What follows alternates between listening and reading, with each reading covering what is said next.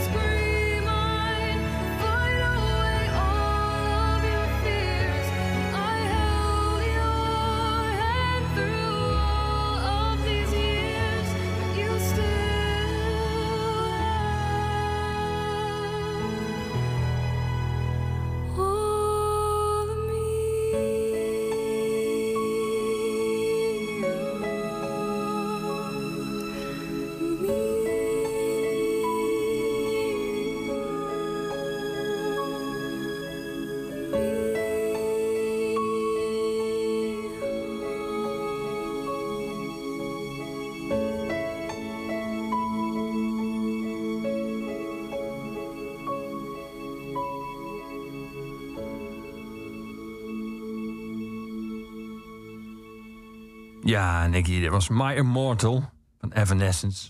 Ja, waanzinnig om weer te horen. Ja, die komt langs in jouw roman als een soort eh, eh, vroege herinnering aan het luisteren naar dit nummer. Was jij, was jij vroeger fan? Of is dat een te groot woord voor je verhouding met deze band? Eigenlijk absoluut niet. Ehm, maar het is wel zo'n liedje, als ik het nu dus ook weer... Ik heb het ook niet gehoord in de tussentijd. Ik heb het niet teruggeluisterd. Bands waar ik fan van was, dan heb ik het eerder over Bright Eyes, Rydell Kylie, dat soort... eh Cressip was denk ik de eerste. Als een soort eh, jonge tiener was het eerste wat me zo de rock in die hoek indreef. Maar dit is voor mij wel heel erg tijdgebonden. Ik voel me gelijk weer zo 13. Dat was echt Ja. toen ik in de eerste en in de tweede zat. eh, ja, was dat groot. En dat kwam net op de radio voorbij. En ja, volgens mij vriendinnen van me vonden het wel heel tof. Als je nu hoort, is het ook dan iets wat te maken heeft met de toon of de thematiek... waarvan je denkt dat past ook wel heel erg bij toen of bij die leeftijd? Ja, als, ik bedoel, ja, jij zet het aan en ik dacht gelijk, dit is ook echt dramatische pubermuziek. Het, eh, ja, de, de, als je tiener bent, verliefdheden gaan volgens mij je hele leven door. Maar als je tiener bent en het is de eerste keer dat je verliefd wordt. Maar sowieso is alles, je hersenen zijn nog niet volgroeid. Je staat bol van de hormonen. Dus alles is gewoon fucking intens de hele tijd. En dat is dan ook geen wonder dat tieners dan naar hele intense muziek gaan luisteren. Ja. Ja, ja en ik, oh, het raakte me wel weer om het nummer te horen. Het is echt wel eh, toch mooier ook dan ik het in mijn hoofd nog had zitten. Ja. Maar het is geen band die je bijvoorbeeld daarna bent blijven volgen... omdat ze ooit iets voor je betekend hebben of dit nummer... en dat ze dan daarmee een soort van plek in je leven hebben... voor de rest van jouw leven. Oh ja, absoluut wel. Ja, heel veel bands. Ehm, maar zeker dus Rilo Kiley en eh, Ja. Jenny Lewis.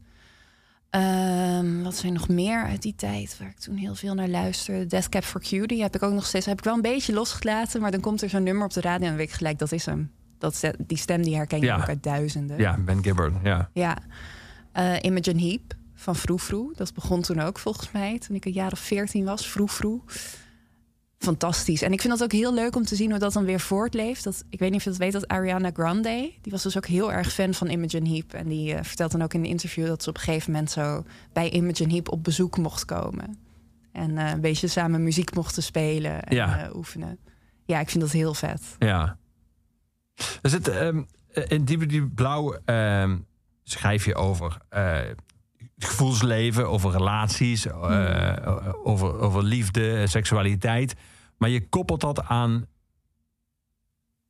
eh, eh, ik wou weetjes zeggen, maar dat klinkt bijna te encyclopisch. Want dat klinkt of het heel droog is. Dat is het absoluut niet. Maar je, eh, aan kennis en anekdotes uit de onderwaterwereld. Ja, en die hebben altijd iets met elkaar te maken. Soms heel erg duidelijk één op één, soms veel minder duidelijk. Maar er is altijd een, een relatie tussen wat je beschrijft over het gevoelsleven en wat je beschrijft over de onderwaterwereld.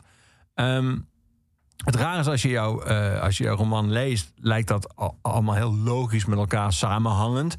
Eh, maar dat, ja, dat kan niet anders dan eh, jouw verdienste als schrijver zijn. Want op zichzelf is niet, denk je niet bij ieder gevoel en een soort van relatie met een bepaalde vis bijvoorbeeld. Hoe is dat gegaan? Daar ben ik wel benieuwd naar. Want ik kan me voorstellen dat je dat als een soort gedachte-experiment... dat je bij denkt, dat, je denkt, oh, dat, dat is grappig, dat is hetzelfde als bij die en die vis. Maar vervolgens moet je dat nog twintig keer doen... en moet dat ook twintig keer ongeveer kloppen. Ja, nee, ik zal het nog sterker doen. Eh, ik heb het ongeveer 40 of 50 keer gedaan. En ik heb er heel veel nog uitgehaald. Omdat ik niet wilde debuteren met een gigantisch dik boek. En ook vond dat het zichzelf een beetje begon te herhalen. Ehm, nee, maar het is begonnen, ik denk zo'n vier jaar geleden. Met toen nog een idee voor een essay, dus een korte tekst. Waarin ik eh, dacht, ja, biseksualiteit of queerness en, en vissen... dat heeft iets met elkaar te maken. En iedereen tegen wie ik dat zei, was van... oké, wat dan? Ik zei, ja, dat weet ik nog niet. Maar gevoelsmatig, daar zit iets. Het was alleen gevoelsmatig. en Niet een soort van lijstje zoals je op het eind van een boek... eh, eh, zeg je van, zo'n zo, van die series als die Planet Earth en zo. Waarom hebben die eigenlijk nooit aandacht voor het feit... dat superveel dieren eh, homoseksueel of biseksueel zijn? Eh, je noemt volgens mij iets van volgens mij 144 of zo uit mijn hoofd. Ja, zoogdieren. Ja, zo dieren. ja, precies. Ja. Dus daar vallen de vissen nog niet eens onder. Nee, precies. Eh, nee, dat is dus ook echt pas gekomen toen ik het boek ging schrijven. En dus ook al die documentaires opnieuw ging kijken. En ook met dat oog zo zat van... hoezo gaan we ervan uit dat elke relatie tussen dieren... die we in een documentaire zien, altijd hetero is? Van heel vaak zie je de geslachtsdelen ook helemaal niet... van de dieren die interactie met elkaar hebben. En dan ga je er gewoon vanuit op basis van dat eentje agressief is... en de ander eh, ja, Onderliggend. ja, of koket of zo. Dan denk ik zo, oh ja, dat is de vrouw en dat is de man. Terwijl, dat weet je helemaal niet. Je bent gewoon je patronen erop aan het eh, projecteren. Nee, maar uiteindelijk kwam het samen doordat ik dacht... wat ze gemeen hebben is dat het allebei een soort tussencategorie is. Dus vissen, dat zijn wel dieren, maar ja, het zijn dieren die we eigenlijk niet zien... die we niet heel vaak serieus nemen als dieren. Als we het hebben over dierenrechten, dan denken de meeste mensen ook aan... nou ja, honden, katten, varkens, olifanten, eh, niet aan tonijn. Nee. Ik zat gisteren op een etentje en eh, toen ging het over tonijn en dat niemand meer tonijn at. Toen bleek dat niemand wist hoe een tonijn eruit zag. En hoe groot die is. Weet jij hoe groot een tonijn is? Nee. Nee. Doe je gokje? De blauwvintonijn bijvoorbeeld. Die is heel beroemd, die is nu bedreigd. Ik heb echt geen idee. Ik denk als je dit vraagt, groter dan ik zou denken. Maar ik zou niks denken. Dus het is altijd al groter. Nee, precies. Ja, drie meter. Nou, daar, ik dus, daar zat ik dus meters naast, als ik had gegokt. Echt gigantisch. En dan ook nog heel bol. Dus als je er foto's van gaat opzoeken... Ja, het is gewoon een bakbeest. Er zijn ook tonijnen van een halve meter. Maar die groot... Nou ja, dat weten mensen helemaal Nee. niet. Terwijl ze misschien wel gewoon tientallen jaren op hun broodje eten. Maar we hebben geen eens een idee van hoe dat dier eruit ziet. Laat staan eh, wat hij ervaart, wat hij kan, hoe zijn leven eruit ziet.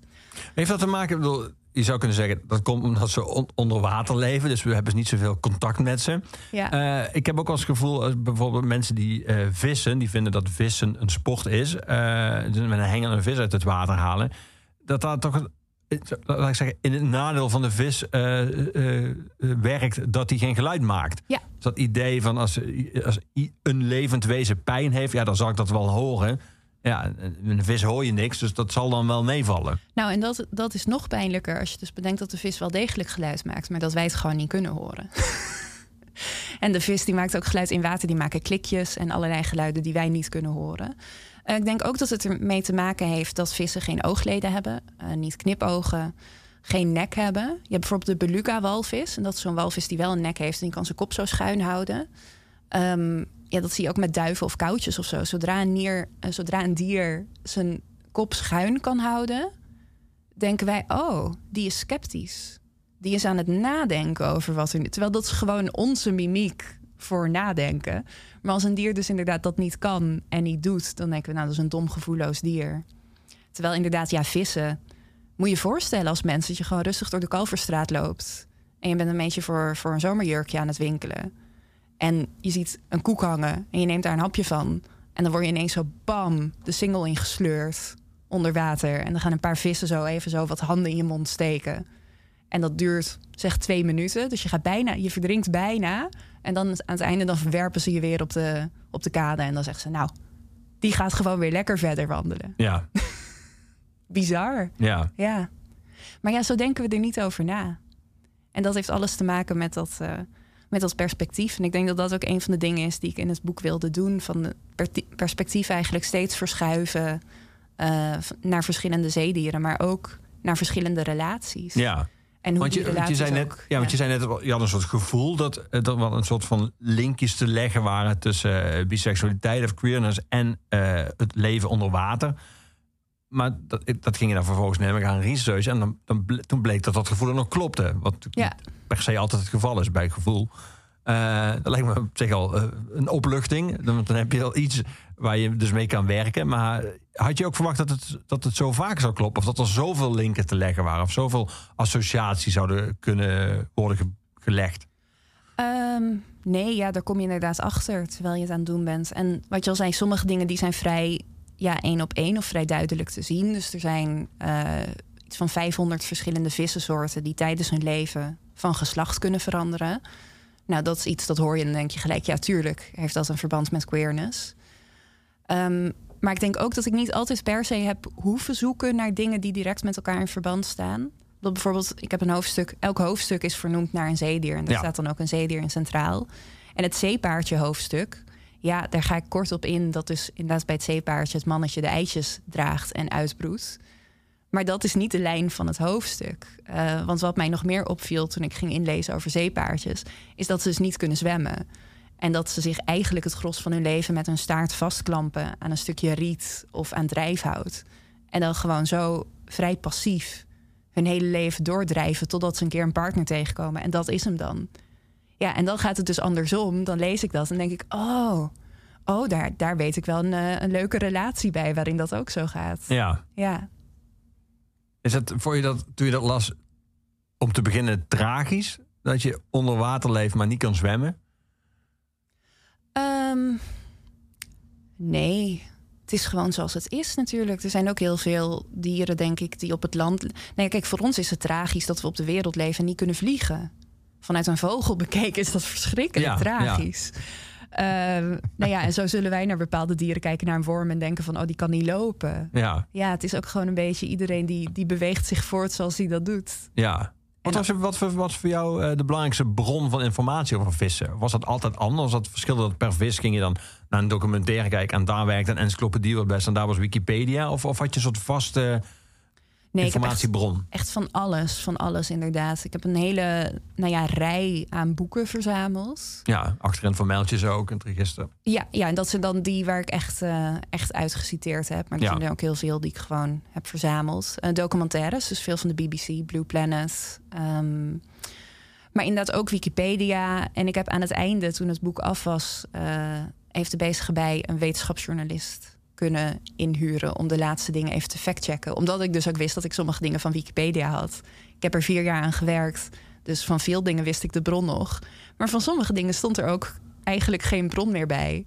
En er zijn dus ook dingen die ik uit het boek moest halen... omdat, eh ja, omdat Ellemiek gewoon de bron er niet voor kon vinden. En Miek was de, de wetenschapsredacteur. Ja, Ja, Eh Ellemiek de Wit. Die zei, ja, ik weet niet waar je dit vandaan hebt... maar ik kan het werkelijk nergens terugvinden. Ik zei, oké, dan is het een darling die moet sterven. Ja, het is niet anders. ja. Maar ik vond het heel erg leuk om die research te doen. En ook bijvoorbeeld in het dolfijnenhoofdstuk gaat het over een bizar experiment.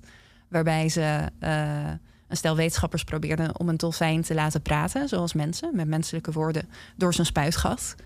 Wat al bizar is, want dat is gewoon waar ze ademhalen.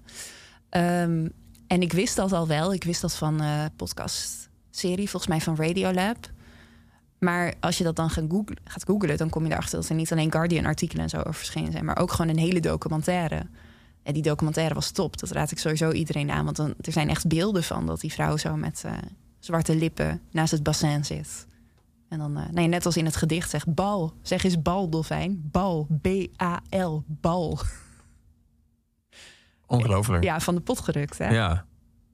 Disney speelt ook al een rol in jouw eh, roman. Eh, ik zou bijna zeggen de Disneyficatie van, de, van het onderwaterrijk. We hebben natuurlijk eh, eh, Finding Nemo.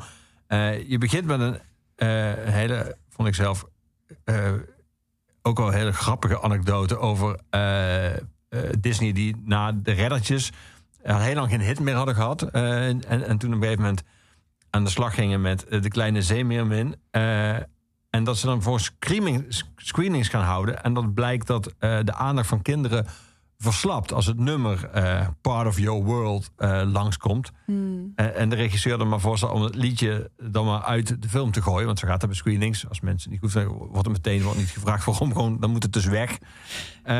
Maar dan, dan grijpt de tekstschrijver in. Die vindt dat heel erg. En die, die, die zegt het is een ik wil liedje. Ehm, dit soort anekdotes en ook eh, over, over Finding Nemo, wat daar eh, allemaal niet in zit aan kennis en wat voor een beeld eh, Finding Nemo bijvoorbeeld, je zegt dan bijvoorbeeld, je schrijft, wie Finding Nemo heeft gezien weet dat het rif een afgescheiden, veilige plek is voor kleine vissen. Buiten het rif wacht de open oceaan met alle monsters van dien. Hmm. Wat de Disney-film niet vertelt, is dat er geen scenario bestaat waarin de kleine Nemo zonder moeder op zou groeien. Op, op zou groeien. Zodra zijn moeder overlijdt, verandert zijn vader in een vrouw. En zal Nemo met zijn vader, inmiddels zijn moeder en of partner, paren. om een nieuw anemoonvisje ter wereld te brengen. Dit gegeven is wonderbaarlijker dan alle avonturen die de vis in de tekenfilm beleven.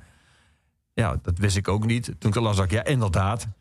Waarschijnlijk, ik weet niet of, of dit er ooit in heeft gezeten en ook een screening niet heeft gehaald. Maar ik vrees dat het überhaupt nooit in de film heeft gezeten. Nee, zo, ik bedoel, het is natuurlijk ook.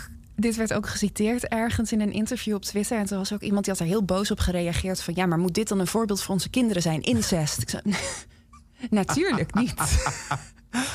Ehm, maar wat volgens mij een andere vader ook. had Zo ge- grappig om het woord incest om een menselijk woord te plakken op het gedrag van vissen. Ja, maar inderdaad, het, het punt is meer wat, wat volgens mij ook een andere vader reageerde of mij mailde van je zou inderdaad willen dat dit iets is wat in de biologieles Ja, eh, behandeld wordt. Zodat je weet hoe, hoe breed de natuur is, wat er allemaal mogelijk is. Maar ik denk ook dat kinderen het gewoon fucking vet gaan vinden.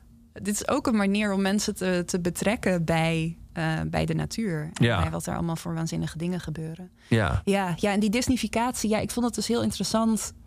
Ik wilde ook graag een queer bo- boek schrijven. Ik vind dat de, de kanon eh, nog best wel krap is. Zeker als het gaat om biseksuele verhalen. Ehm, maar ook als je dan gaat verdiepen in bijvoorbeeld De Kleine Zeemeermin van Disney... dan kwam ik er al snel achter dat het eigenlijk helemaal niet zo hetero is als dat het lijkt. Hè? Want dat, dat sprookje is heel hetero, maar dat is geschreven door eh, Hans Christian Andersen...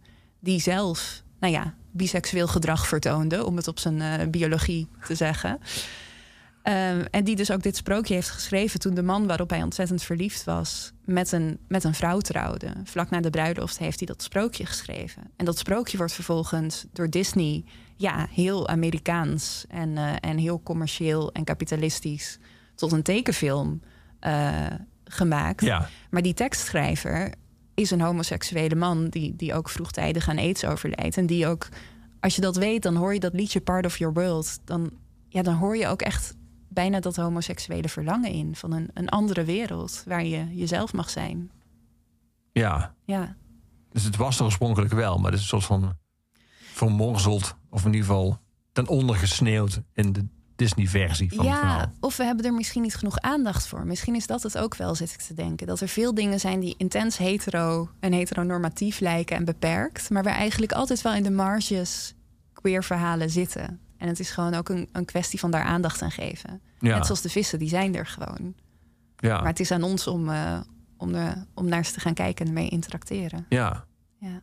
Het grappige is, als je dit nu zo zegt, moet ik denken aan de metalband of hardrockband Judas Priest. Waar de zanger homoseksueel van is. En gegeven moment, zoals dat dan heet, uit de kast kwam. En iedereen denkt, ja, maar dat wisten we toch allemaal eigenlijk al. Want hij liep al twintig jaar met een leren pet op het podium. En hij was, eh, alles aan hem was gewoon hartstikke gay. Mm. Maar niemand zag, omdat het soort van het idee is, het is een, het is een hetero, want het is een hardrockband. Eh, ja, ja, ja. En toen iedereen het wist, dacht iedereen, ja, inderdaad, nu je het zegt, hadden we eigenlijk altijd al kunnen zien. Maar ja, ja. enfin, moest ik aan denken. Dat is dus iets grappigs. Dat is ook een lijn in mijn boek van dat, dat kunnen zien aan mensen. Mhm. Of, ze, of ze homo of hetero zijn of zo. En inderdaad het uit de kast komen. Er zijn, er zijn in queerness zoveel gekke dingen die je als hetero dus niet hoeft. Inderdaad, het is weinig. Het begint nu een beetje te komen dat we naar mensen kunnen kijken en zeggen: Zo, die ziet er ontzettend hetero uit. Ehm, maar dat is echt van de laatste paar jaar, Ja. denk ik. Ehm, ja, en ook het uit de kast komen. Weet je wel, wanneer wist jij dat je hetero was? Dat soort gesprekken hebben met mensen. Zeg, wanneer heb je het je ouders verteld Ja, dat je hetero was? Ja, we gaan muziek draaien. Ehm, muziek die je zelf hebt aangedragen. Eh Mitski met het nummer Townie. Eh, waarom ja. deze? ik hou ontzettend van Mitski. Eh, eigenlijk van al haar werk. Het loopt enorm uiteen. Je hebt heel poppy nummers, heel rustige. En ik had wel zin in een iets hardere. En deze is eigenlijk net zoals het liedje van Evanescence dat je draaide... vind ik het een, een totaal puber, woede, verlangen lied. Dat ik heel mooi vond aansluiten bij eigenlijk ja, het coming-of-age verhaal... dat in Diep Diep Blauw zit. Ja, we gaan naar luisteren. Hier is eh, het nummer Townie.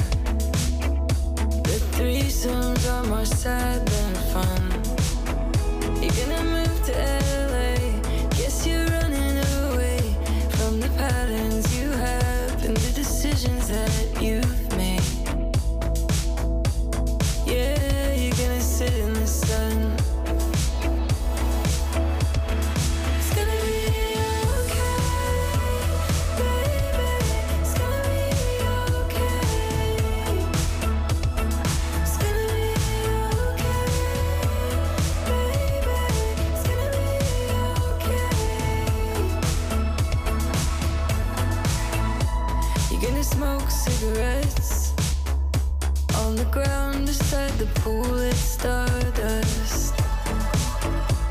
You're gonna get obsessed with a boy who's hooked on heroin. You'll have some old time nights dancing outside with LCD on the speaker, and you're drinking dark pink wine. Yeah those friends.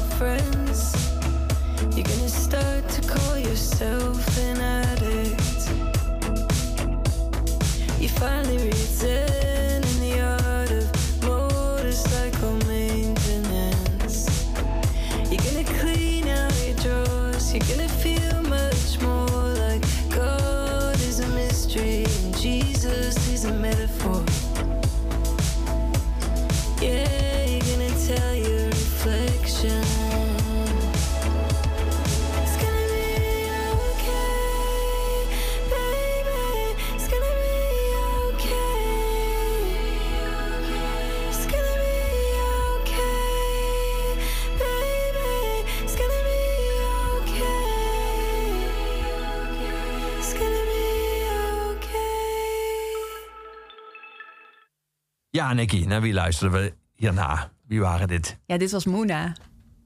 En dat ja, vind ik een hele vette band van eh, drie vrouwen die dus een soort ja, wat ze indie popmuziek zou ik het noemen. Met inderdaad veel van die computers er vaak op. Ja, een beetje electropop inderdaad. Ja, en eh, ja, het, het klinkt gewoon, het klinkt allemaal heel lekker en heel catchy. En eh, het gaat over best heftige dingen af en toe. Maar wat ik heel mooi vond aan dit liedje, dit, dit, dit citeer ik ook aan het einde van het boek. Eh, ja, ik wilde heel graag ook in Diep Diep Blauw wel die lijn hebben van uiteindelijk komt het allemaal wel weer goed. Weet je wel, soms is het moeilijk. Het, ga- het gaat over relaties. Relaties zijn vaak moeilijk, zeker als je jong bent. Veel drama, veel gebroken harten. Ehm, maar uiteindelijk komt het wel weer goed. En dat vind ik in dit lied ook ontzettend mooi. Het Ja. duurt ook zo lang en het neemt dit van die onverwachte wendingen. En dan is dat, dat bijna cynische van... yeah, you're gonna call your mom. Echt top.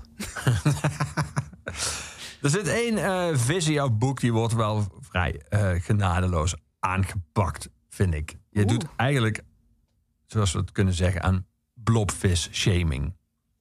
Oh, vind je? Het was juist mijn bedoeling om de blobvis voor eens en altijd te redden. Van, Hij is zo van het lelijk. shamen wat hij doormaakt. Dat ik er een beetje onwel van word.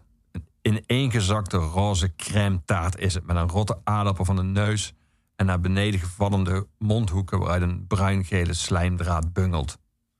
Zijn zwarte kraalogen loenzen dommig naar links en rechts. Tja, het is wel hoe die er op de foto uitziet.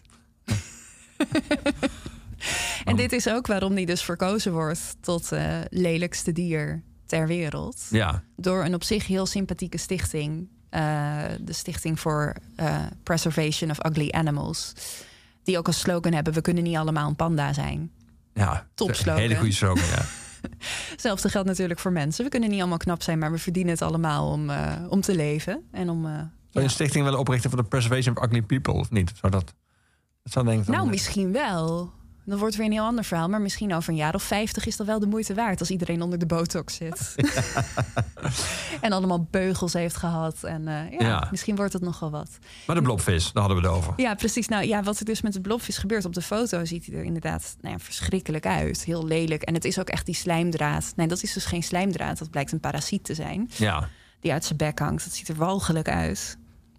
Maar ja, we hadden het net al over dat vissen. En eh, dat je moet voorstellen als mens dat jij ineens gevist wordt vanuit de Kalverstraat en onder water wordt getrokken.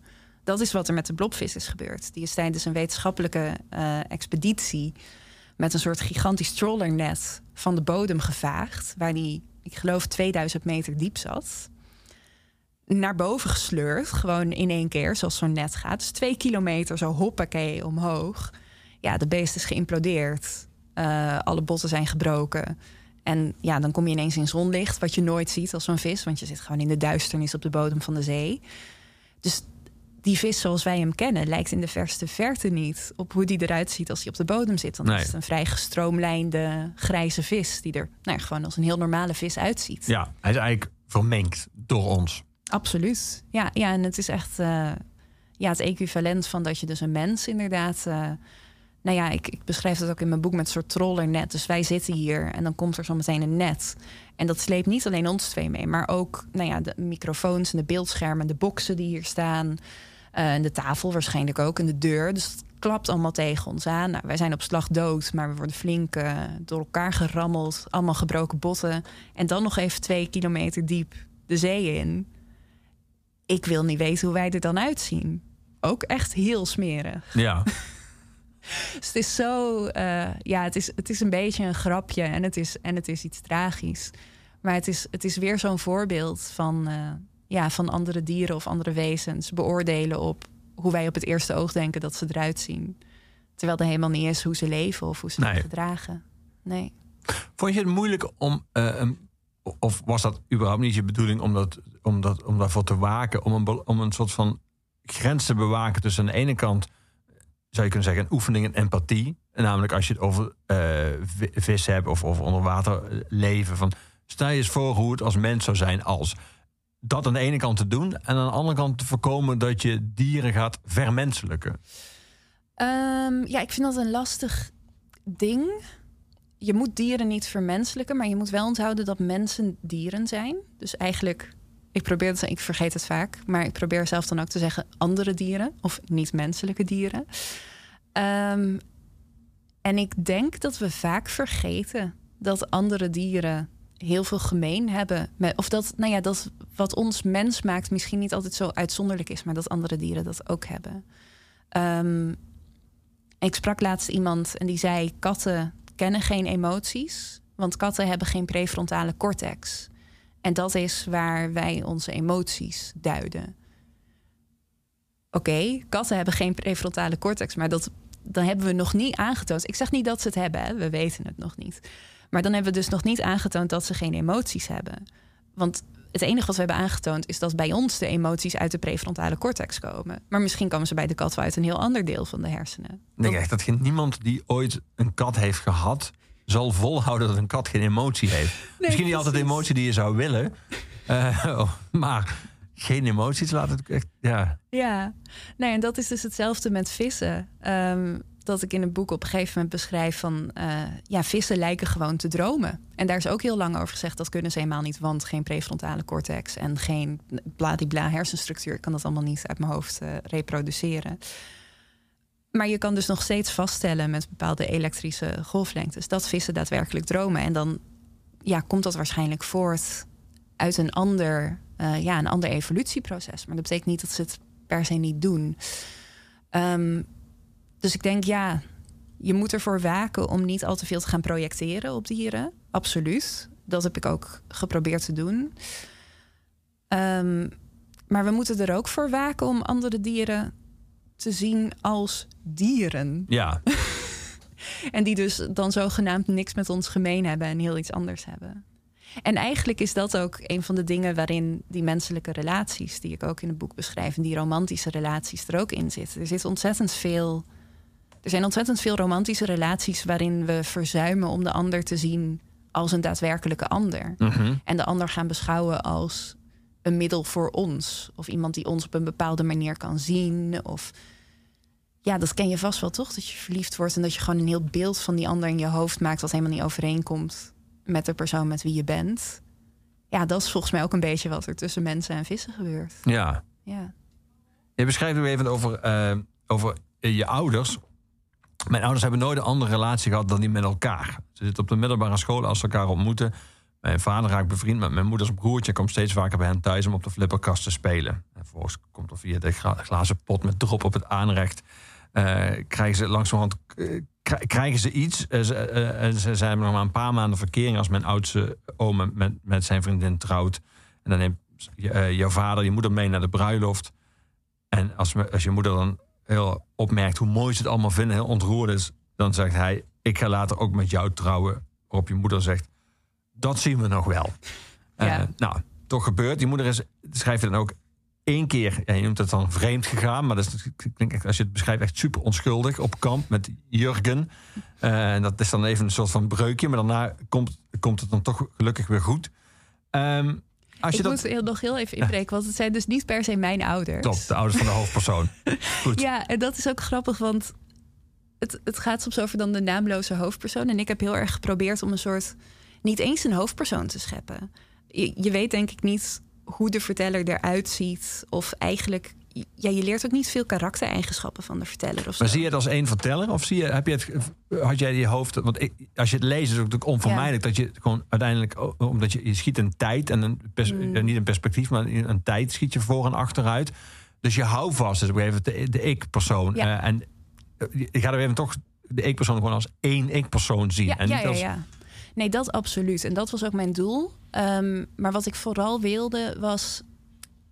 Ja, eigenlijk een soort bewustzijn scheppen dat je dingen vertelt. Ik vind dat ook een heel fijne vorm. Dat heeft er misschien ook mee te maken dat ik zo lang radio heb gemaakt. En dat ik gewoon graag luister naar iemand die al die verhalen vertelt. En dat ik dan niet per se ehm, met diegene mee hoef te gaan. Of eh, ja, alle achtergrond daarvan hoef te weten. Ja. Maar dat was echt een expliciete vorm die ik ook in dit boek wilde uitproberen. Dus de, de verteller die inderdaad echt met een memoire-achtige toon super dichtbij komt. Ehm, maar ja, en sommige delen van het boek heb ik heel erg geput uit mijn eigen ervaringen.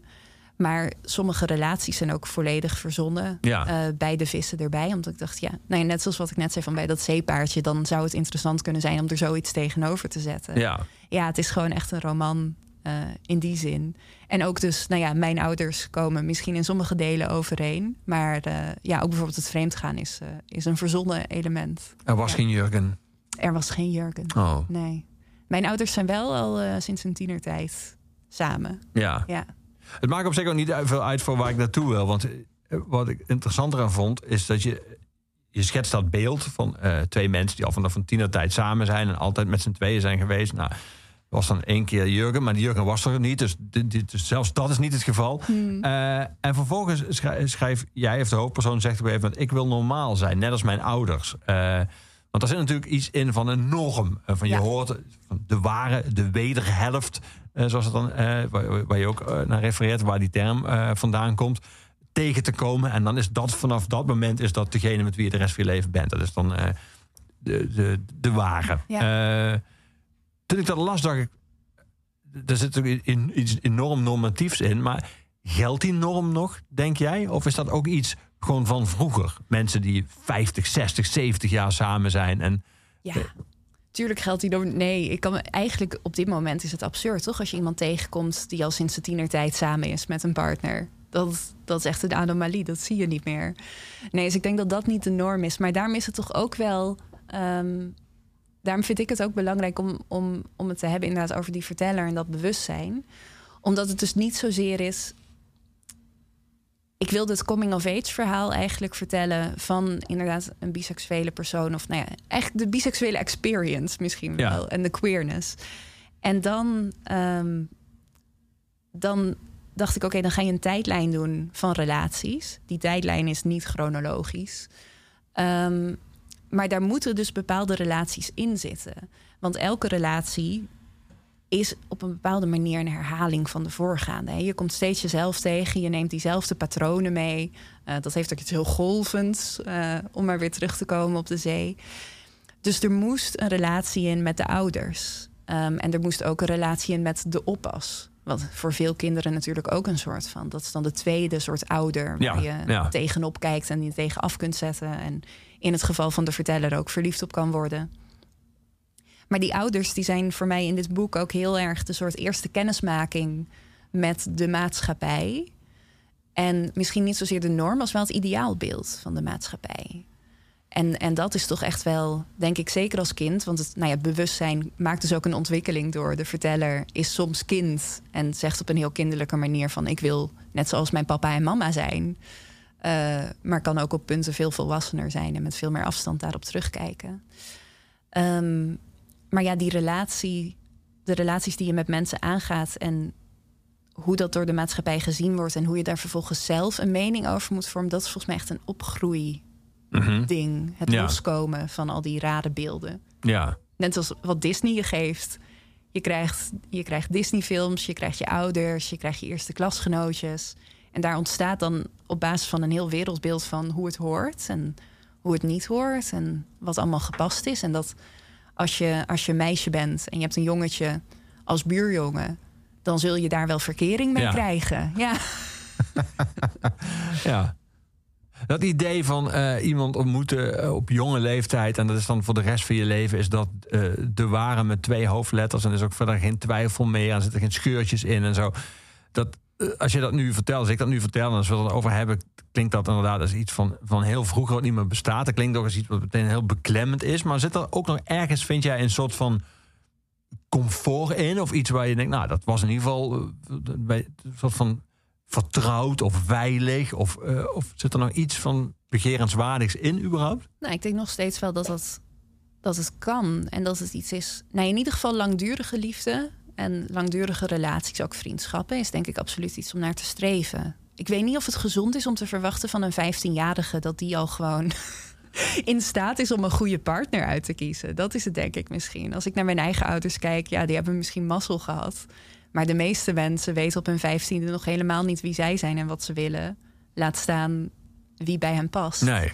Maar is het, dan, is het mazzel of is het ook dat in die tijd eh, anders gedacht wordt over eh, zelfontplooiing? Omdat ik kan me voorstellen dat je dan ook het gaat niet over je ouders, maar in zijn algemeen. En sommige mensen dachten, nou, dat is misschien niet het perfecte, maar het is, het is goed genoeg voor mij. Eh, Ja. En ik hoef niet per se op zoek te gaan naar iets wat nog beter, of iemand die nog beter bij me past. Of waar ik zelf beter tot mijn recht kom. Dat was, het was gewoon zoals het was. Je was samen, je had kinderen en dat- dit, ja, dit was het. Ja. ja, en daar zit ook absoluut een schoonheid in. Maar ik denk ook als ik voor mezelf spreek, ehm, dat dat iets is wat ik nog steeds nastreef. Dat is ook iets wat aan het einde van het boek, eh, ja, wat ik er ook wel in probeer te schrijven, dat uiteindelijk een relatie ook iets is wat je samen bouwt en wat je samen in stand houdt. Ehm, ik geloof niet dat je moet vasthouden aan dat idee van de ware en dan maar voor eeuwig samen blijven. Maar wel, ja, als je iemand hebt waar je van houdt en diegene houdt van jou. En jullie kunnen lekker samen overweg en jullie zijn goede huisgenoten of niet. En jullie hebben een leuke latrelatie of weet ik het wat. Ja, probeer dat in, in stand te houden. Ja, Waar ik denk ik vooral altijd een beetje me over verwonderd heb, is dat dat dan ook de enige moet zijn. Dan komen we op het punt tussen vriendschap en romantische relaties, wat voor mij sowieso een beetje een arbitraire grens soms is. Ja, je kan ontzettend veel vrienden hebben en je kan van allebei je ouders evenveel houden en van je kinderen evenveel houden, maar op verschillende manieren. Maar als het dan op de romantische relatie aankomt, dan kan er maar één zijn. Want zodra je seksuele of romantische gevoelens voor iemand anders krijgt, dan doet dat af aan de gevoelens voor diegene. D- Dat vind ik een absurde mythe. Erger nog dan die ware misschien wel. Of de, de eeuwige monogamie of zo. ja. Monogamie is iets prachtigs. Ik vind als je, als je dat wil, dan moet je daar vooral voor kiezen. Ehm, maar de ontkenning of het, het zeggen dat als je andere gevoelens hebt, dat dat dan iets afdoet aan je relatie, dat is toch super raar. Maar komt dan denk je omdat het een soort van, als je bijna wiskundig benadert, het soort idee is van je hebt bijvoorbeeld 100 eenheden liefde of 100 eenheden seksuele lust. En als je daar dan 10 aan iemand anders besteedt, dan, gaan die, dan, dan heb je er nog maar 90 over voor je eigen partner. Dat idee van het gaat altijd eraf. Ja, misschien, maar dat is dus het rare. Want iedereen. Nou ja, ik heb dus geen kinderen. Maar ik praat veel met mensen die kinderen hebben. En dan zeg ik. Mij is verteld dat als je kinderen hebt. en je krijgt een tweede. dat je dan niet ineens minder van die eerste houdt. nee, zo werkt het volgens mij. En er zitten Ja. wel restricties op. Want er zit maar zoveel tijd in een dag. En dat is het wel natuurlijk. Je kan niet iedereen evenveel aandacht geven. Je kan niet met iedereen een huis delen. Je kan niet met iedereen op vakantie gaan. Maar dat zijn praktische bezwaren. Ja. Ehm, ja, Ja, daar hebben alle mormonen zich ook doorheen weten te slaan, toch? nou precies. en, en dan komen we ook weer. ehm, het zou dan ook iets natuurlijks zijn, hè? want dat wordt dan vaak gezegd van ja, maar een vrouw bijvoorbeeld, die moet zich binden aan de man van wie ze dan zaad heeft gekregen, want die moet voor haar zorgen en die moet voor haar, haar kind gaan zorgen. En dat, dat klinkt allemaal redelijk aannemelijk als je dat zo hoort. Maar als je kijkt naar de natuur, dan zijn er eigenlijk geen andere dieren die dat zo doen. Dus echt bijzonder zeldzaam, monogamie. Ehm, en wat, wat veel meer voorkomt onder zoogdieren, en nou, bijvoorbeeld de zeezoogdieren die ik dan voor dit boek heb bestudeerd, dat eh, dolfijnen in hun puberteit homoseksuele relaties aangaan, die een hele leven lang kunnen duren. Dus dat zijn dan echt een soort van de ware, hun levenspartner. En dan rond hun twintigste ook beginnen te paren met eh, dolfijnen van het andere geslacht, daar een familie mee beginnen. Maar die, ja, die relaties die bestaan gelijktijdig. Ja. Ja, dat kan dus ook. En Ja. dat is net zo natuurlijk. We gaan muziek draaien. Leuk. We gaan naar eh, Flowers for Anna luisteren. Waarom deze? Oh, ik vind dit zo'n mooi nummer. Ehm, ja, en het was ook. Ik heb, ik heb een gigantische Spotify-playlist gemaakt voor Diep Diep Blauw. Met alle muziek waar ik naar heb geluisterd tijdens het schrijven, maar ook muziek die ik eh, bij het boek vind passen. Is een playlist van meer dan 7,5 uur. Daar staat deze ook Hield je dat al bij terwijl je schreef? Of eh, kon je Ja. maar terugwerken? Oké. Ja, hij heeft ook echt, eh, nou ja, zoveel werktitels als het boek heeft gehad. Zoveel titels heeft de Spotify-playlist ook gehad. Stond heel lang op privé en eh, nu is hij publiekelijk. En daar staat dit liedje vrij hoog in. Het is een nummer dat ik volgens mij in 2017 voor het eerst hoorde. Misschien wel 2016.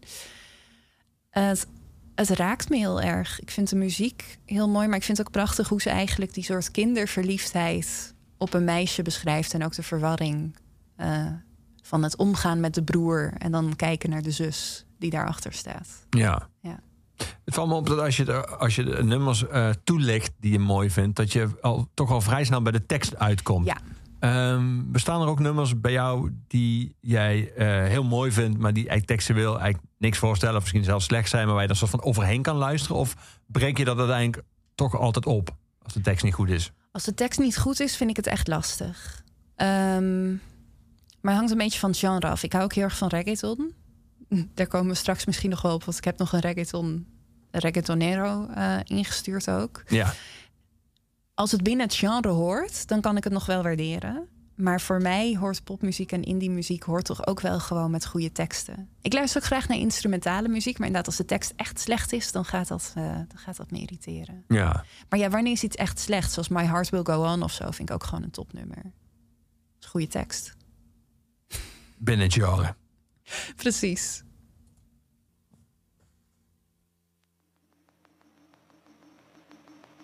Música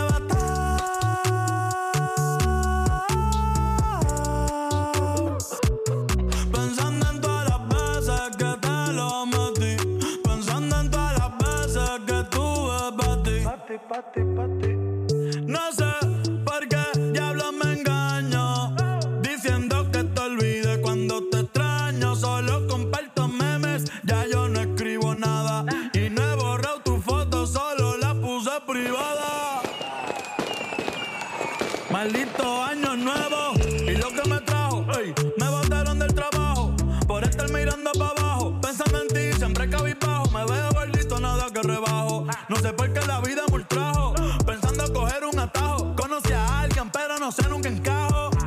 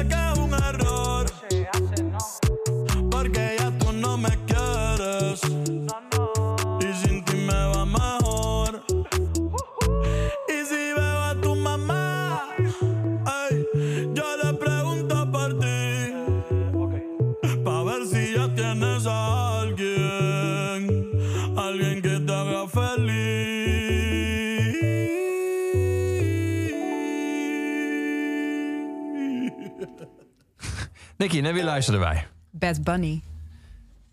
En welke rol heeft hij in jouw muzikale kanon? Het is heel leuk als je zegt Bad Bunny. En dan vraag ik me af hoeveel mensen kennen dit nou. Het was volgens mij laatst ook ergens in een... eh, op NOS of zo werd dat, eh, was er een artikel over Bad Bunny. Dat het wereldwijd eh, de meest Is- beluisterde artiest is. Klopt. Terwijl dus tegelijkertijd, als je het gros van de mensen vraagt... wie is Bad Bunny, ze hebben geen idee. Ze weten natuurlijk wel wie Taylor Swift is of Coldplay. Of, maar ja, Bad Bunny is een reggaetonartiest. Eh, ontzettend productief, brengt heel veel platen uit. Volgens mij in 2020 heeft hij er drie uitgebracht in één jaar. Dat was echt verschrikkelijk. En dan elke plaat die hij uitbracht, zei hij... maar nu stop ik, nu ga ik met pensioen. Dat was ook coronajaar. En toen waren veel mensen opeens heel productief. Ja, precies. Maar drie platen in één dat is jaar. heel veel. Dat is Herman Brusselmans-achtig. Ja. En ik hou, nou ja, het is een heel ander figuur dan Herman Brusselmans. Ehm, want ik hou dus zelf gewoon heel erg van reggaeton. Als we het hebben over muziek, waar ik niet zo erg naar de teksten luister, meestal dan is het reggaeton. Want die teksten die kunnen nogal behoorlijk vrouwonvriendelijk zijn en heel naar en heel plat. Ehm, maar ik hou van die dembo, dat ritme, dat uh, boemtjuk, boemtjuk. Daar ga ik gewoon heel goed op. Eigenlijk Ja. zodra ik dat hoor, dat, dat is gewoon puur lichamelijk. Dat is heerlijk. wat, Ehm, doe, wat doe je dan met die teksten? Negeer je ze? Of eh, zing je bijvoorbeeld mee? Nee. Nou is dat sowieso vrij lastig als je... Ik spreek wel Spaans, maar niet op het niveau dat ik kan rappen. Nee. Hoewel Despacito kan ik woord voor woord meedoen. maar dat is ook wel een gezellige. Maar wat Bad Bunny zo bijzonder maakt... is niet alleen is hij dus een van de grootste... eh, maar hij is ook enorm baanbrekend. Ehm, hij heeft een hele grote hit gehad met eh Yo Pereo Sola. Ik spurk in mijn eentje, maar dan Ja. in mijn eentje de vrouwelijke vorm. Waarin hij dus... Eigenlijk was dat een liedje dat erover gaat... dat vrouwen naar de club gaan om te twerken en te dansen... En eh, dat als ze geen zin hebben om een man te hebben die tegen ze aanrijdt, dat je dat moet respecteren en ze met rust moet laten. Dat is al behoorlijk baanbrekend om dat dan als reggaeton eh ster uit te brengen. Ja. Maar op in die- zichzelf ook opvallend is dat dat op zichzelf een vrij normale huishoudelijke mededeling zou moeten zijn, maar toch al als baanbrekend was gezien. Ja, ja, inderdaad. Een, een verdrietige staat. Maar het is ook goed om het expliciet te maken. Want Ja. het is natuurlijk nou ja, bij meerdere dansstijlen wel. Als je naar een club gaat, dan gaat iedereen ervan uit dat je daar seksuele aandacht komt zoeken of zo. Terwijl soms wil je gewoon lekker dansen. Ja, bij stijldansen schijnt dat mee te vallen. Ik geloof het gelijk. Ehm, maar in die clip is hij dus ook in drag. eh, totaal eh, met borsten en een sexy jurk en alles erop en eraan. En danst hij ook. Nou, voor de macho-cultuur van Latijns-Amerika en ook de fans van Bad Bunny was Ja. dat echt. Die gingen los in de comments ook. Mensen waren woest. Maar hij blijft dat maar openbreken. En daarin vind ik dit liedje ook... Ja, dit is natuurlijk een van de allerrustigste die er is. Maar voor de mensen die geen Spaans spreken... het- ik vind het zo ontzettend lief ook. Nee, dan komen we weer op de tekst. Want hij zingt dus van... En als ik je moeder zie... zo heet het ook, als ik je moeder zie... Ehm, of nou ja, hij begint de tekst en dan zegt hij... ik hou nog altijd van je. Todavía yo te quiero, perco sé que no error. Maar ik weet dat het een fout is, eh, want je houdt niet meer van mij. Ehm, en zonder jou gaat het me eigenlijk ook beter af. Maar als ik je moeder zie, dan vraag ik haar hoe het met je gaat... en of je al iemand anders hebt en of die goed voor je zorgt. Dan gaat het ook verder van ik ga met mijn vrienden naar de club... maar ik denk alleen maar aan jou. En als er nu niet snel iets gaat gebeuren... dan ga ik je gewoon weer bellen. Eh, dus het is eigenlijk gewoon een heel verdrietig liefdesliedje. Ja. En hij, hij, ja, hij schreeuwt dat bijna met van die onaffe woorden zo in de mic. Maar als je dat kunt verstaan, is het is een prachtig contrast. Ja. Ja. Maar even over die tekst, daar ben ik toch wel benieuwd naar. Als je, bedoel, je hebt ook het genre artiesten die expliciet homofoob zijn. Ehm, maakt het dan, is er voor jou de grens dat in, in een nummer waar je eh, naar luistert, die tekst zelf niet homofoob moet zijn, maar die artiest dat misschien wel is en uit gedraging in het verleden of dingen die op het podium heeft gezegd, blijkt dat hij dat is, of misschien wel ook andere nummers, maar dan in ieder geval niet in dat nummer je naar luistert? Of kun je ook zelfs door teksten heen luisteren, je denkt, ja, ik sta ik er totaal niet achter, maar dit is gewoon wel echt een heel lekker nummer. Ik denk eigenlijk dat ik dat niet zo doe. Ehm, dus alle teksten, alle artiesten en liedjes die ik echt zelf aanzet en luister, daar, daar sta ik achter. Ja. In meer en mindere mate. Ik bedoel, J Belvin vind ik vet, maar ook een beetje een sell-out. Ehm, maar ik ben ze ook echt gaan opzoeken. Dus je hebt Ana Macho, heb je ook. Dat is een, eh, een transvrouw die reggaeton maakt. Ja, dat is ook fantastisch. Die heeft dan een heel nummer over... Dit is mijn lichaam, waarin ze dan het Spaans cuerpo... ehm, naar het, de vrouwelijke vorm heeft gemaakt. Dus es mi cuerpa. Ehm, het wordt ook een steeds breder genre. Je kan er, je kan er steeds meer in vinden. Dus het is Dus er- toch wel belangrijk voor me. Ja, ik zou niet naar homofobe liedjes luisteren. En ook niet homofobe of racistische artiesten. Of nou ja, weet je wel, noem een R. Kelly of zo. Ik luister daar niet naar. Nee. Nee. Noem je ook al inmiddels een heel extreem voorbeeld. Net Ja. 30 jaar veroordeeld wegens kinderhandel. Je, je, nou ja, ik weet niet of iedereen, maar ik kom toch nog steeds wel eens op feestjes waar die dan gewoon weer gedraaid wordt. Maar die nog steeds denkt dat hij kan vliegen. Ja, Ja. en dan eh, kijk ik wel een beetje fronsend omheen.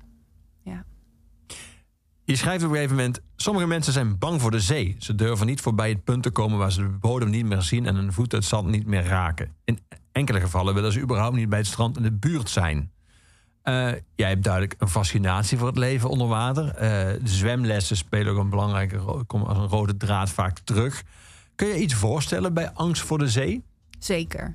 Ik kan me bij alle angsten wel wat voorstellen. Ik ben zelf ook behoorlijk bang aangelegd. Eh, dus ik heb weliswaar geen angst voor de zee. Maar ik snap het heel goed. En het kan van alles zijn. Dat vind ik er ook leuk aan. Dus mensen kunnen bang zijn voor de zee omdat ze het niet kunnen zien. Zeker in de Noordzee is dat natuurlijk... Ja, je weet niet wat er om je heen zit. Maar als je op een tropische bestemming bent... en het water is heel blauw en heel helder... dan kan dat juist weer angstaanjagend zijn. Dat je 15 meter diep kan zien... en de hele tijd bezig bent met om je heen kijken... van wat, wat zit er achter me, wat zit er achter me. Ja, het kan van alles zijn. Je kan bang zijn voor controleverlies. De zee is een, ja, toch on... Hoe heet dat? Oncontroleerbaar, on- Mhm. onverwacht stuk water... Dat je, dat je mee kan sleuren, dat muien in zich verbergt. Ik denk dat het best rationeel is om Ja. een beetje bang te zijn voor de zee. Ook omdat het een soort van oergevoel is... dat wij er uiteindelijk niet horen. Ja, Wij horen op land. en er ook misschien niet toe doen. Ja, ja Of in ieder is dat heel geval beangstigend, ja. dat er, een, dat er een kracht is die zeker in Nederland erg dichtbij is. Eva Meijer heeft er ook een prachtig boek over geschreven, Zee Nu. Ehm, over de overstroming van Nederland. Ja. voor ons is hij erg dichtbij. Een groot deel van het land ligt onder zeeniveau. En je hoeft maar even inderdaad met je voet in de branding te staan terwijl er een eh, flinke storm is. En goed op je in laten werken hoeveel water dat is. Ja, als, als er als iets. Ik wou bijna zeggen, als, het, als ze het wil, als de zee het wil, dan eh, slaat ze het hele, hand, hele land omver. Ja. Ja. Had jij, eh, voelde jij ergens een gevoel dat eh, raakt aan angst tijdens je research? Dat je bij sommige eh onderwaterdieren dacht... oh, hier, dit, dit, ik ben blij dat ik dit gewoon op wiki lees... of gewoon op mijn, op, op, op mijn computerscherm zie. ja, absoluut. Ik ben op een gegeven moment naar een, eh, een deel van, nou ja, research. Het is ook gewoon dat dan alles wat er is met zee en vissen, dat ik dat dan ga doen. Ja, Ook uit pure interesse hoor, want ik vind het sowieso leuk. Maar toen ben ik met een eh, vriend van mij, die ook al vanaf het begin heeft meegelezen met het boek Dennis Gaans, ben ik naar een museum in Nijmegen geweest. En daar hadden ze een tentoonstelling over de vissen in de Waal. oké. En daar zat dus ook de rivierprik. Heb je ooit gehoord van de rivierprik? Je hebt ook de zeeprik. Het is eigenlijk een soort slangachtig, wormachtige vis. Ehm, maar dan... Oh, heb je Stranger Things gezien? Ja. Nou, die Demogorgon met die mond die zoals zo'n bloem openspreidt. Zo'n soort mond is het. Maar dan gewoon helemaal rond die open gaat. Niet zoals bij ons met een kaak, maar gewoon helemaal rond. En dan rijen tanden zonder uiteinde. Dus je kijkt gewoon naar binnen in een tunnel van tanden. En je hoeft helemaal niet bang te zijn voor een rivierprik of een zeeprik. Want die gaat geen mensen bijten, dat doet hij nooit. Het is een vrij kleine vis die zich vastbijt in andere vissen... en daar als een soort parasiet op meelift. Maar als je dat ziet, is gewoon angstaanjagend. Dennis die keek ook naar de foto en die was zo... dat was de laatste keer dat ik in de Waal stapte. als dat beest erin zit, dan hoef ik niet meer. Hoe groot is die? Ja, ik, weet, ik durf het niet met zekerheid te zeggen... maar volgens mij een Zeg maar- centimeter of 20, Oké. 30. Ik ben natuurlijk als ik jou dit vraag altijd bang dat ik antwoord krijg van kan drie meter. meter. Maar dat valt als een reuze mee. Ja. Nou ja, maar bijvoorbeeld meervallen. Ja. Eh, je kan echt flinke vissen tegenkomen, ook in de rivier. Meerval kan ook wel drie meter worden. Als je echt een, eh, een oude fix hebt. Meestal zijn ze zo 1, anderhalf meter. Snoeken, ook heel groot. Ja, er zijn, er zijn angstaanjagende vissen. En er zijn ook dieren om bang voor te zijn in de oceaan. Ik ben zelf erg bang voor zoutwaterkrokodillen, moet ik zeggen. Eh, gewoon omdat ik krokodillen angstaanjagend vind. Maar tegelijkertijd moet je ook maar beseffen dat die dieren veel meer van ons te vrezen hebben dan wij van die dieren. ja. Ja, dat haal ik ook in het haaienhoofdstuk aan. Ehm, ja, wij zijn bang voor haaien, logisch. Zeker, nou ja, grote witte haaien kunnen een gevaar zijn voor mensen, omdat ze ons eh, aanzien voor een zeehond, Ja. wat ze normaal eten, of een kleine dolfijn. ja, je had uiteraard ook Jaws aan en de beeld, beeldbepalende effect van die film op onze verhouding met haaien. Absoluut, absoluut. Eh, terwijl Spielberg dus zelf ook gewoon de haai het meest sympathiek vond. Ja. En eigenlijk vond dat al die die mensen, mensen een onsympathiek, stelletje ja, precies. klootzakken Ja. waren. Ehm, Jaws is ook echt totaal irreëel. Er is geen enkele haai die zo gericht mensen zou aanvallen. Dat is absoluut niet. Haaien vergissen zich en dan bijten ze een mens. Dan zwemmen ze weg. Eh, tenzij ze heel erg soort van opgehit zijn en dan kunnen ze nog wel eens doorgaan. Eh, maar ja, het probleem is dat je dan al bloedt en dan komen er als een malle allerlei andere haaien op af. Maar goed, het punt is dat er eh, wereldwijd volgens mij elk jaar 57 mensen sterven in een haaienaanval. En eh, de schattingen lopen nogal uiteen, maar we gokken dat er elk jaar 100 miljoen haaien door mensen worden doodgemaakt. Dus de haai heeft echt veel meer te vrezen van ons. Ja. Veel, veel, veel meer dan wij van een haai. Volgens mij is ook de kans dat je sterft aan een kokosnoot die op je hoofd valt groter dan de kans dat je sterft in een haaienaanval. Wie ik zelf heel interessant vond, eh, is de zilveraal. Dat is de paling in zijn volwassen vorm. De laatste lichamelijke fase in zijn leven... waar hij geslachtskenmerken ontwikkelt... en via de rivieren terugzwemt naar de open oceaan. Deze palingen verschillen echter enorm in leeftijd. De een is nog maar acht jaar oud, terwijl de ander al in de veertig is. De vissen zitten in dezelfde ontwikkelingsfase. Ze hebben bij wijze van spreken allemaal het lichaam van een vis van middelbare leeftijd... maar dat uiterlijk is dus niet aan een leeftijd gekoppeld. De paling groeit, verandert, is sterfelijk, zoveel staat vast... Maar die veroudering loopt niet zoals de onze. Lijkt niet verbonden te zijn aan de hoeveelheid tijd die voorbij gaat. Dat vond ik wel een eye-opener. Ja, is waanzinnig, hè?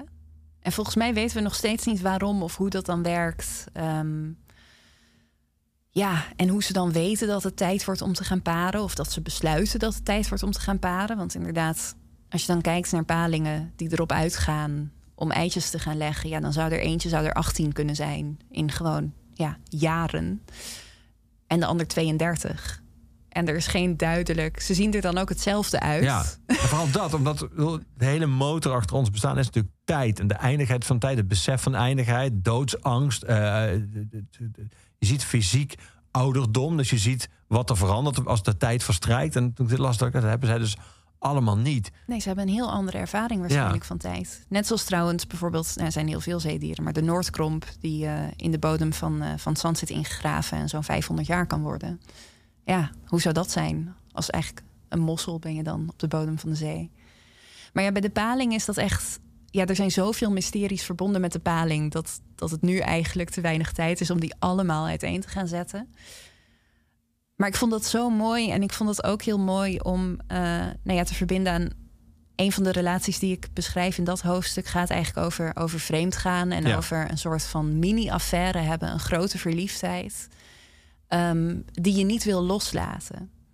En dat, eh, dat heb ik zelf wel eens ervaren, maar dat, dat zie ik ook bij heel veel mensen om me heen en ook nog steeds nu gebeuren. Dat mensen ineens hals over kop verliefd worden op iemand. En dat het zo moeilijk is dat los te laten. En ik begon me dus af te vragen van waar zit dat in? Ik bedoel, tuurlijk in hormonen. Ehm, maar er zit nog iets anders in. En toen dacht ik dat, volgens mij is dat net zoals dat mysterie van de paling. Van er zit nog iets.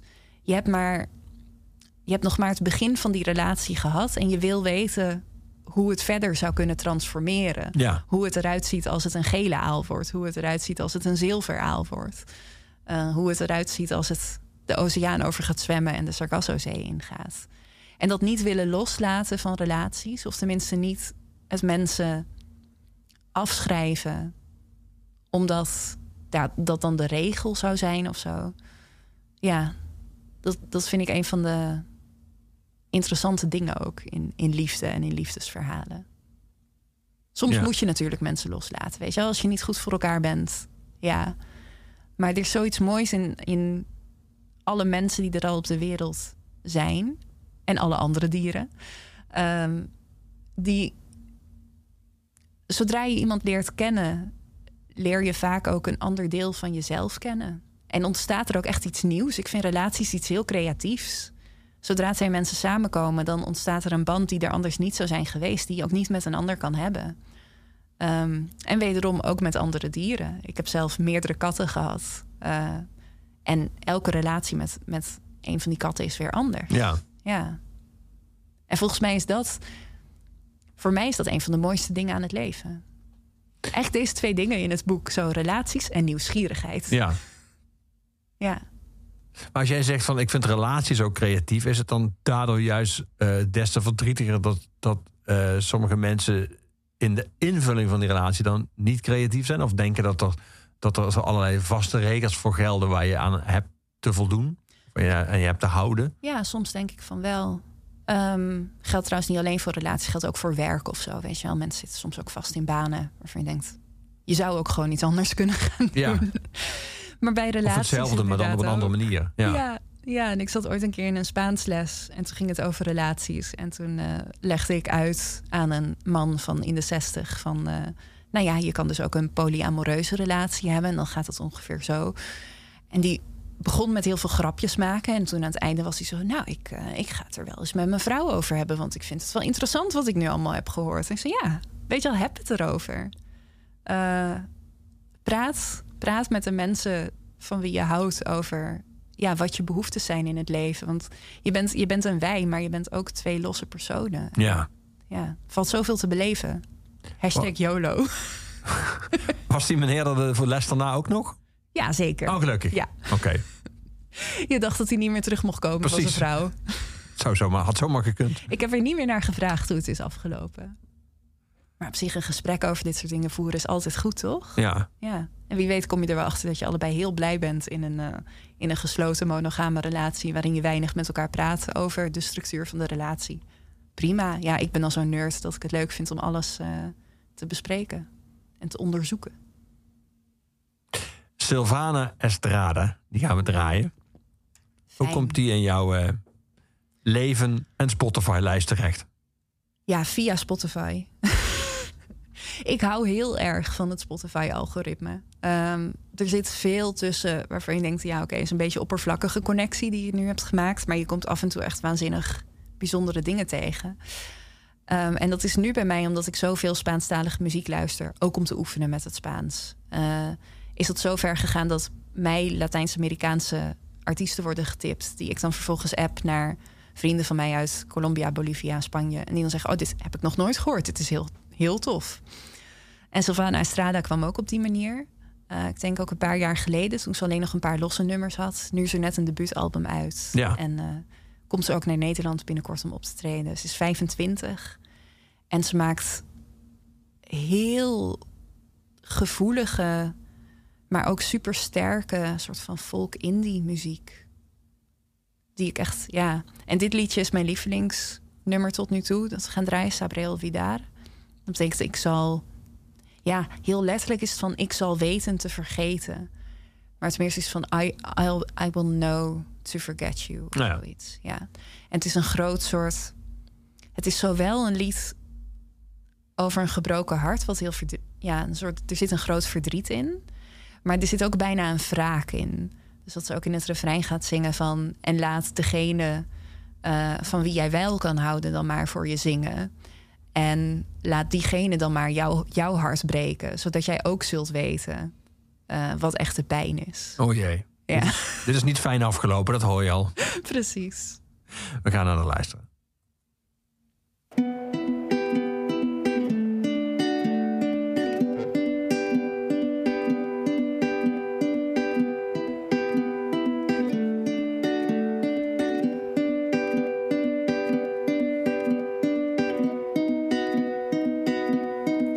Sabré olvidar, porque el silencio no da opción cuando uno canta. Y este dolor se ha de esfumar en mi garganta. Sabré olvidar, sabré olvidar, aunque ahora cargue la desgracia entre mis dientes, pues sonreír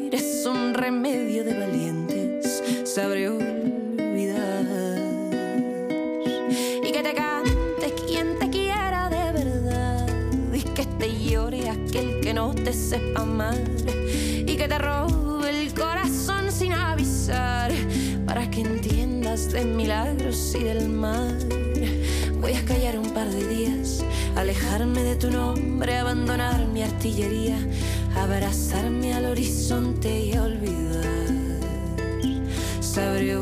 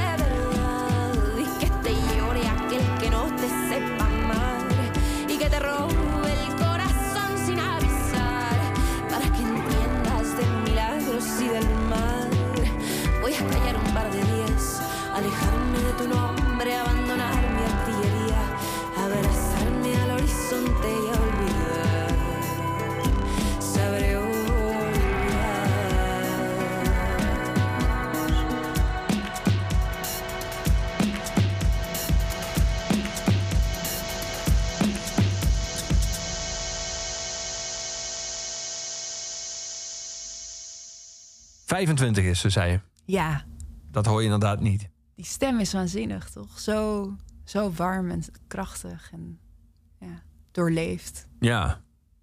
Je zegt ergens, in, in je roman merk je op dat eh, gaat het over de waarom-vraag. Eh, en dan zeg je dat, eh, volgens mij zeg je dat psychologen en coaches. ik zal het even, dat ik het niet verhaspel, zal ik het even gewoon voorlezen. Waarom kan ik niet gewoon, dus aanhalingstekens dan, homoseksueel of heteroseksueel zijn? Niet gewoon monogaam, niet gewoon gewoon. Waarom? Is een zinloze vraag, zeggen coaches en psychologen. Er bestaat geen antwoord op. Misschien is mijn vraag dan: hoe worden we zo? Voegen we ons naar een beeld dat al bestaat? Laten we ons kleden, kneden?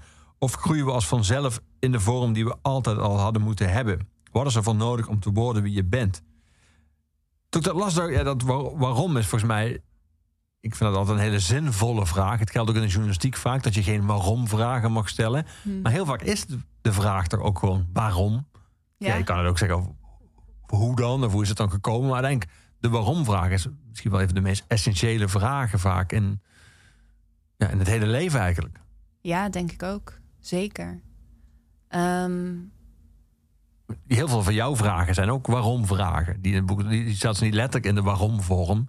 Maar je vraagt je wel Ja, af hoe iets zo is, is gekomen. waarom doen we dit? Precies. Waarom denken we dat? Ja. Ja. absoluut, absoluut.